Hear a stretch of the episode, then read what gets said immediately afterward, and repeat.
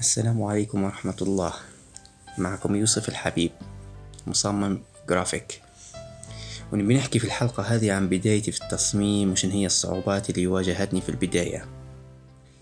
كيف ما هو معروف إن البدايات دائما صعبة وأن النجاح ما يجيش بالسهل. ضروري من العقبات والتخبطات وكثير من الأمور اللي يكون لها تأثير سلبي من جميع النواحي.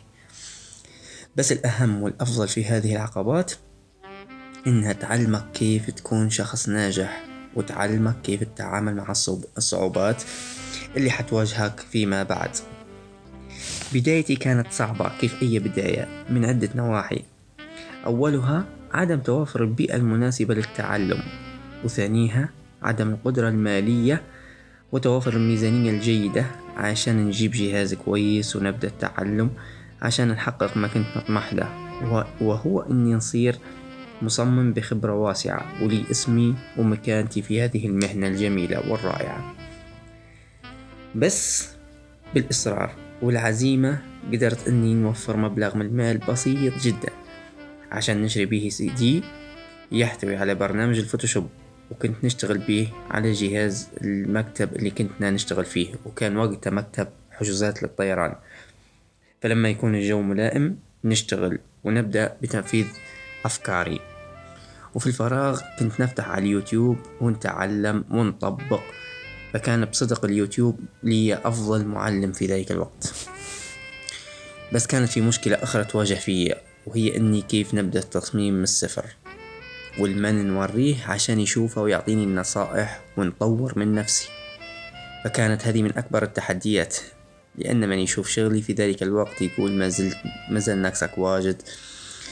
وفي من يقول إن شغلك أكثر من رائع فكانت المجاملة هي الصيغة الطاغية على الموضوع في ذلك الوقت. صدق ومع ذلك ما وقفتش واستمريت وقعدت كل ما نصمم. أي بوستر أو تصميم شعار أو دعاية معينة كنت نقارن فيها ببعض الصفحات على الفيسبوك واللي كانت تهتم بهذا المجال. وهيك استطعت نطور من نفسي في هذا المجال الرائع. وقدرت وقدرت نطلع بشغلي للناس عشان يشوفوا المرحلة أنا وصلت لها وين. وفي شيء ما ننساش ولا ننكره وهو التشجيع من مديري في العمل وأصدقائي. في يوم جاني المدير ولقاني قاعد نشتغل على الكمبيوتر وفاتح الفوتوشوب وعرف اننا نحب التصميم وإني نطمح لأني نكون مصمم. فبصدق قاعد يشجع فيا ودعمني معنويا لأن هذا بصدق كنت أكثر شي محتاج له أكثر من الدعم المادي. وكذلك أصدقائي في العمل هيئوا لي البيئة المناسبة وداروا لي دعاية عند أقاربهم وأصدقائهم وأصحاب المشاريع اللي هم يعرفوهم عشان نصمم لهم لافتات أو كروت أو حتى غلاف لصفحات الفيسبوك بمقابل مبلغ مادي زهيد. وفعلا كانت فكرة ناجحة وحسيت بروحي إني اجتزت مرحلة يعني مرحلة بجد صعبة وهي مرحلة البدايات وإني تونا في مرحلة التطور وإثبات الذات.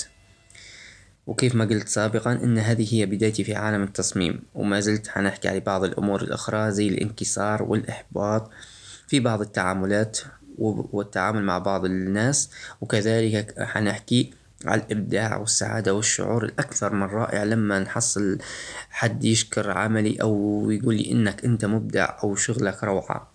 ولأن هذا بصراحة هو اللي يضمن أو هو من ضمن الدوافع للتقدم بخطوات جبارة في مجالي.